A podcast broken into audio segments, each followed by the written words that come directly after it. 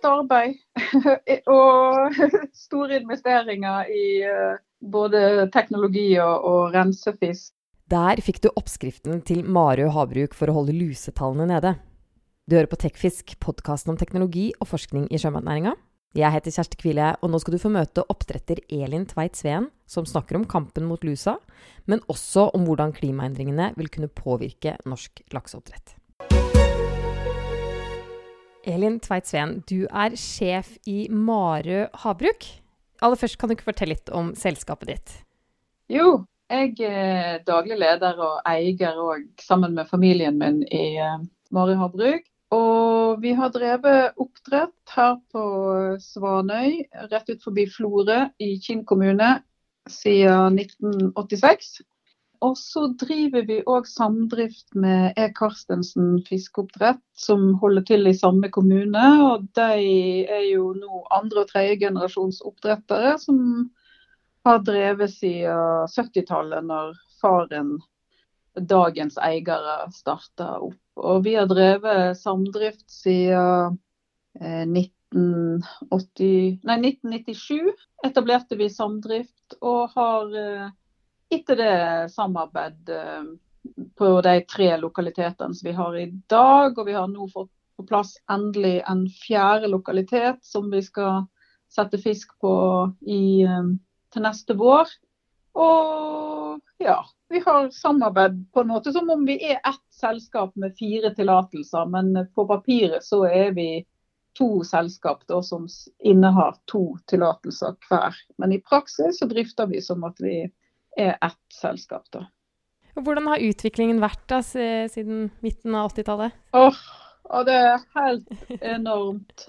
Det er egentlig Det er så stor forskjell fra sånn som vi drev på 80-tallet til i dag at um, ja, Det er nesten utrolig at han har fått lov til å være med på det. Vi starta jo, eller Jeg starta i oppdrettsnæringa i 79. Jeg var da røkter på et anlegg her på Svanøy der det var en Svanøy stiftelse, heter de, som drev eh, det oppdrettsanlegget. Og det drev jo i samarbeid med Havforskningsinstituttet og i Matre, da.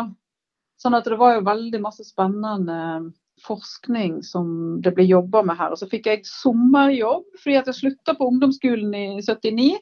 Og visste ikke hva jeg skulle bli, og så fikk jeg et tilbud om sommerjobb, og så syntes jeg det var så kjempespennende. Og når jeg da fikk muligheten til å fortsette å jobbe eh, i Svane stiftelse, så takka jeg jo ja til det. Og du vet at den gangen så var det jo ingen skole du kunne gå på for å lære om oppdrett. Du måtte lære alt sjøl. Det fantes ikke utstyr som du kunne kjøpe. Du måtte, du måtte bygge og lage alt sjøl, og du hadde ingen vaksine. Og fiskekvaliteten var den noe så som så med når du fikk ny smolt. Og fôret måtte du lage sjøl. Altså, du måtte jo egentlig gjøre alt sjøl. Og du måtte forske og finne ut alt. Og det, det var jo prøving og feiling ja, som var hele tida, da.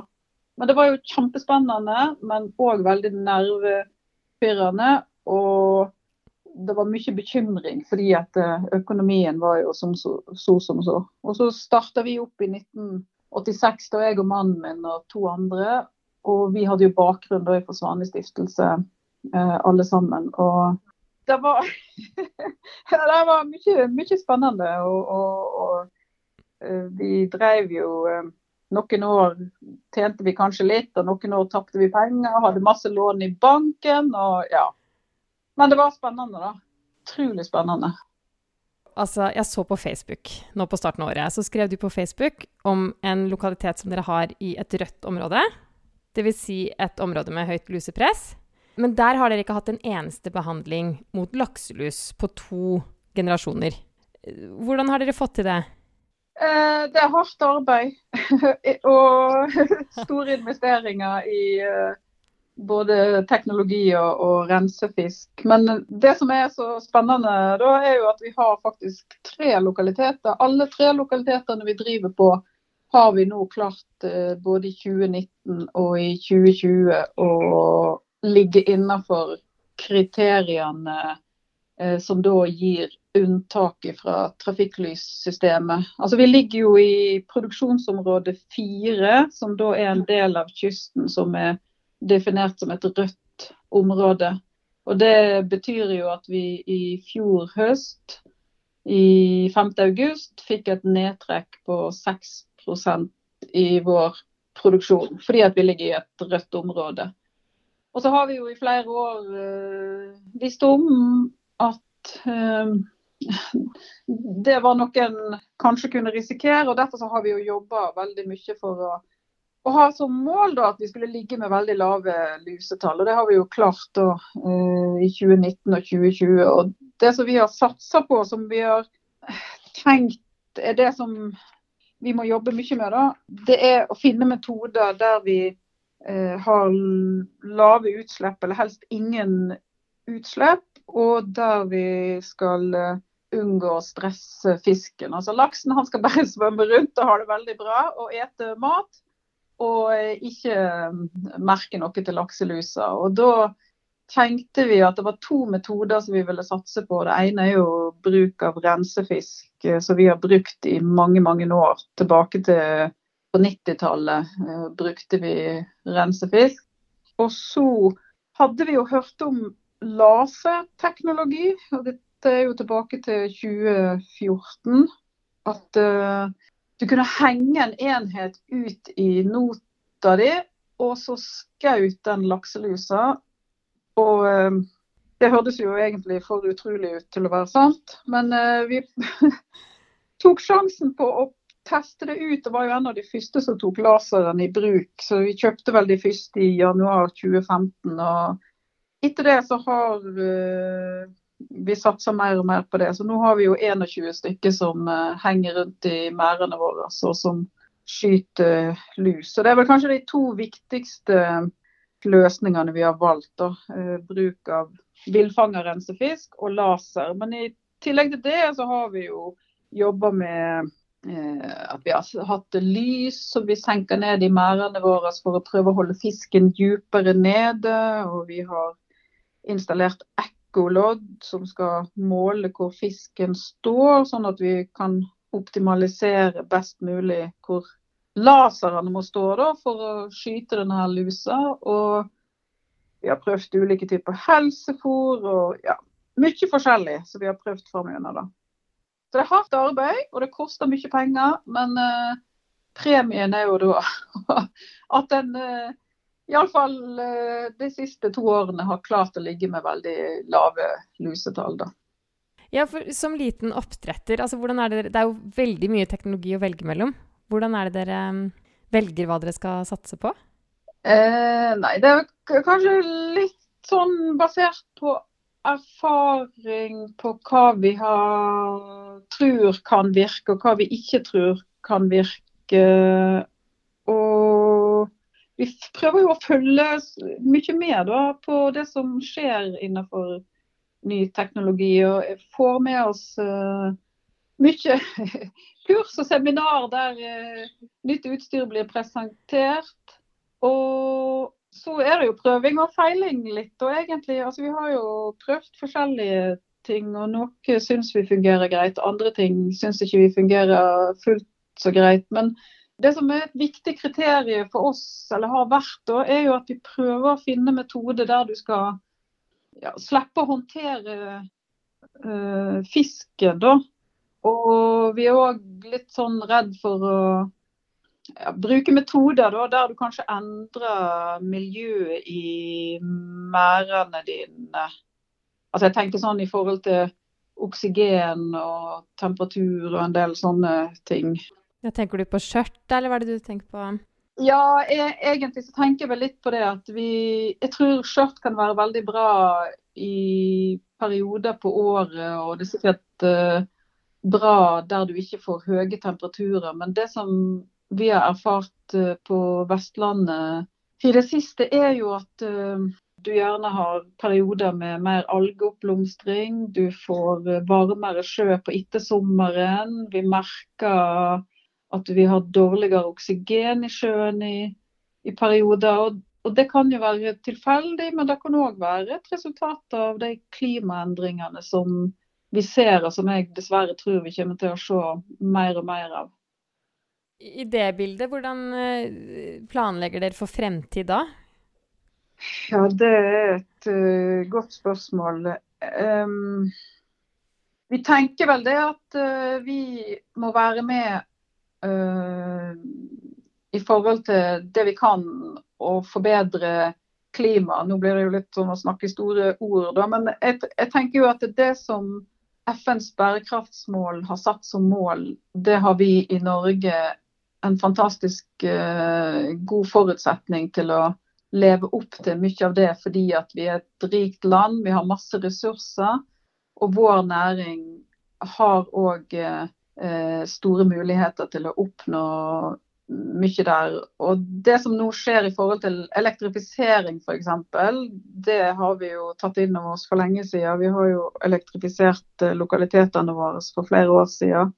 Og vi var òg første lokalitet som var med og testa ut eh, batteripakke fra eh, Fjord Maritim i, i 2018, som var veldig, veldig bra løsning. Sånn at det, å få ned utslippene våre er jo viktig. Så er det jo det som I forhold til økte temperaturer, så må vi kanskje se på eh, dypere merder, sånn at fisken kan gå lenger ned. Vi må kanskje endre ja, tetthet på fisk i merdene, sånn at fisken kan få stå dypere i perioder med, med høye temperaturer. Kanskje vi må begynne å tilsette oksygen i perioder. Altså, det er vanskelig å, å, å vite, men uh, jeg tror vi vil få større utfordringer framover pga. klimaendringene. Og da vil det jo kanskje være vi på Vestlandet som vil merke det først. Og det må vi eh, ta inn over oss. Og vi må vi sjøl som næring må gjøre hva vi kan for å, å få ned våre eh, utslipp. Og så vil det òg være viktig å å, kanskje ta i bruk nye metoder og, og produsere på f.eks. det å ha dypere merder, sånn at fisken kan komme seg dypere ned når det blir varmt i sjøen i overflata. Ja, for nå så du litt tilbake igjen på de eh, ja, nesten 30 årene da, fra dere startet. Hvordan ser det ut, oppdretten i Norge, om ti år da, f.eks.? Åh, det er jo så vanskelig å å vite. For jeg, eh, for jeg tror at klimaendringene som vil komme, de vil påvirke oss. Og Det tror jeg kan påvirke på den måten at vi kanskje får mer utfordringer med gjeldelidelse på fisken. Vi får kanskje mer utfordringer med andre typer sykdommer, eh, nye sykdommer. Men der er jo eh, det å jobbe for gode vaksiner viktig det å jobbe for at um, fisken skal ha så god um, ja, helse som mulig. og da, da kan jeg jo komme inn på det at vi er jo med å prøve ut uh, noe som heter Stembiont. Um, og det er jo gode bakterier da, som smolten vår, eller før fisken ble satt ut i sjøen, uh, så ble han bada i et bad med gode bakterier, for å forklare det veldig enkelt de bakteriene skal jo da være med å styrke immunforsvaret til fisken. Sånn at den igjen skal eh, bli mer motstandsdyktig mot sykdom og kanskje mot lus, når den da blir satt ut i sjøen. Det er jo helt tydelig at dere må ha mange tanker i hodet på en gang, og eh, kjempe på ulike fronter. Hva er den aller viktigste teknologiske utviklingen som oppdrettsnæringen trenger? Jeg tror det aller viktigste som vi trenger, iallfall nå og de fem neste årene, det er teknologi som eh, er med å håndtere de luseutfordringene som vi har. Og da har du jo alt fra teknologi som skal fjerne lusa, til teknologi som vi trenger i de tilfellene der vi må eh, behandle fisken. Eh, vi er jo i dag i et samarbeid der vi har et selskap som heter Godfisken, som har investert i eh, termolysere, to stykker, som står plassert på en eh, brønnbåt. Som blir brukt i de tilfellene der en må avluse fisken. Vi har vært med og investert i, i bløggebåter eller behandlingsbåter som der en sikkert kan utvikle mer teknologi. Men først og fremst det å få mer teknologiske løsninger som kan fjerne lakselus. Det tror jeg blir eh, kjempeviktig. Og så blir det òg viktig med utstyr som kan måle hvordan fisken har det i merdene. Vi syns det vært veldig spennende å følge eh, Eller det å kunne måle og se på grafer hvor fisken står plassert i, i nota, eh, som vi har brukt ekkolodd til. Og det er jo for å kunne da optimalisere hvor laserne skal stå i merdene, da. Eh, for at den skal kunne skyte mest mulig lus uh, på fisken. Og da må den jo se hele tida hvor det er mest fisk. Og vi har òg brukt de ekkoloddene til å måle om vi klarer å holde fisken dypere nede når vi brukte undervannslys på fisken, altså på vårfisken nå i sommer, for å se om vi klarte å holde fisken dypere nede. Og Da var jo målet at vi skulle holde den på en 8-10 meter, sånn at den sto under eh, lusebeltet, da, som vi sier. Altså Lusa er jo i overflata. Og, og, det var viktig for oss å holde fisken nede. og Det så vi jo at vi klarte ved hjelp av uh, lys uh, gjennom hele sommeren. Og det, så, og det, er jo på en måte sånn hjelpeverktøy da, for å ja, både måle hvor fisken er i noter. Og så vil du sikkert etter hvert få mer teknologi som også kan måle velferden og hvordan, hvordan, fisken har det i noter. Hvordan kan du måle at fisken har det bra. I et litt sånn kortere perspektiv helt til slutt, da. Det er jo eh, litt av et år vi har lagt bak oss. Hvordan tror du 2021 blir? Jeg er veldig spent på eh, hvordan markedene vil utvikle seg eh, uh, utover i året. og Det er jo selvfølgelig knytta til den koronasituasjonen som vi har. I fjor så ble det jo kanskje bedre eller hva vi hadde tort å, å håpe på. Men jeg tror kanskje det er den andre smittebølgen og gjerne den tredje smittebølga som en vil sannsynligvis få i år, som blir enda tøffere både for Norge, men vi er et rikt land og vi har masse ressurser vi kan sette inn. Men for andre land eh, i Europa og lenger vekke, så tror jeg det blir tøffere å håndtere. og jeg, jeg tror det kan bli krevende. Så jeg tror vi vil oppleve press på prisene, og sikkert helt fram til mot jul på slutten av året. Så jeg er kanskje litt pessimistisk, da, men uh, jeg tør ikke forvente noe særlig mer enn det. Så jeg tror det å holde, holde fisken frisk, og det å uh, iallfall stelle best mulig med den fisken vi har, uh, det, det, blir veldig viktig. Og så må vi være innstilt på at uh, vi vil ha lavere inntjening, tror jeg, i år, eller hva vi har hatt nå i mange år, der prisene har vært gode og etterspørselen har vært veldig stor. Nei, det blir en spennende tid. Dere må ha lykke til med det, og takk skal du ha. Takk skal du ha. Du har nå hørt på Tekfisk, podkasten om teknologi og forskning i sjømatnæringa. Forrige uke snakket jeg med Håkon Vederhus, produktsjef hos Selstad. De jobber bl.a. for å finne andre materialer enn plast i utstyret de lager for fiskeri og oppdrett. Den finner du på Spotify, iTunes eller der du vanligvis hører på podkast. Vi høres!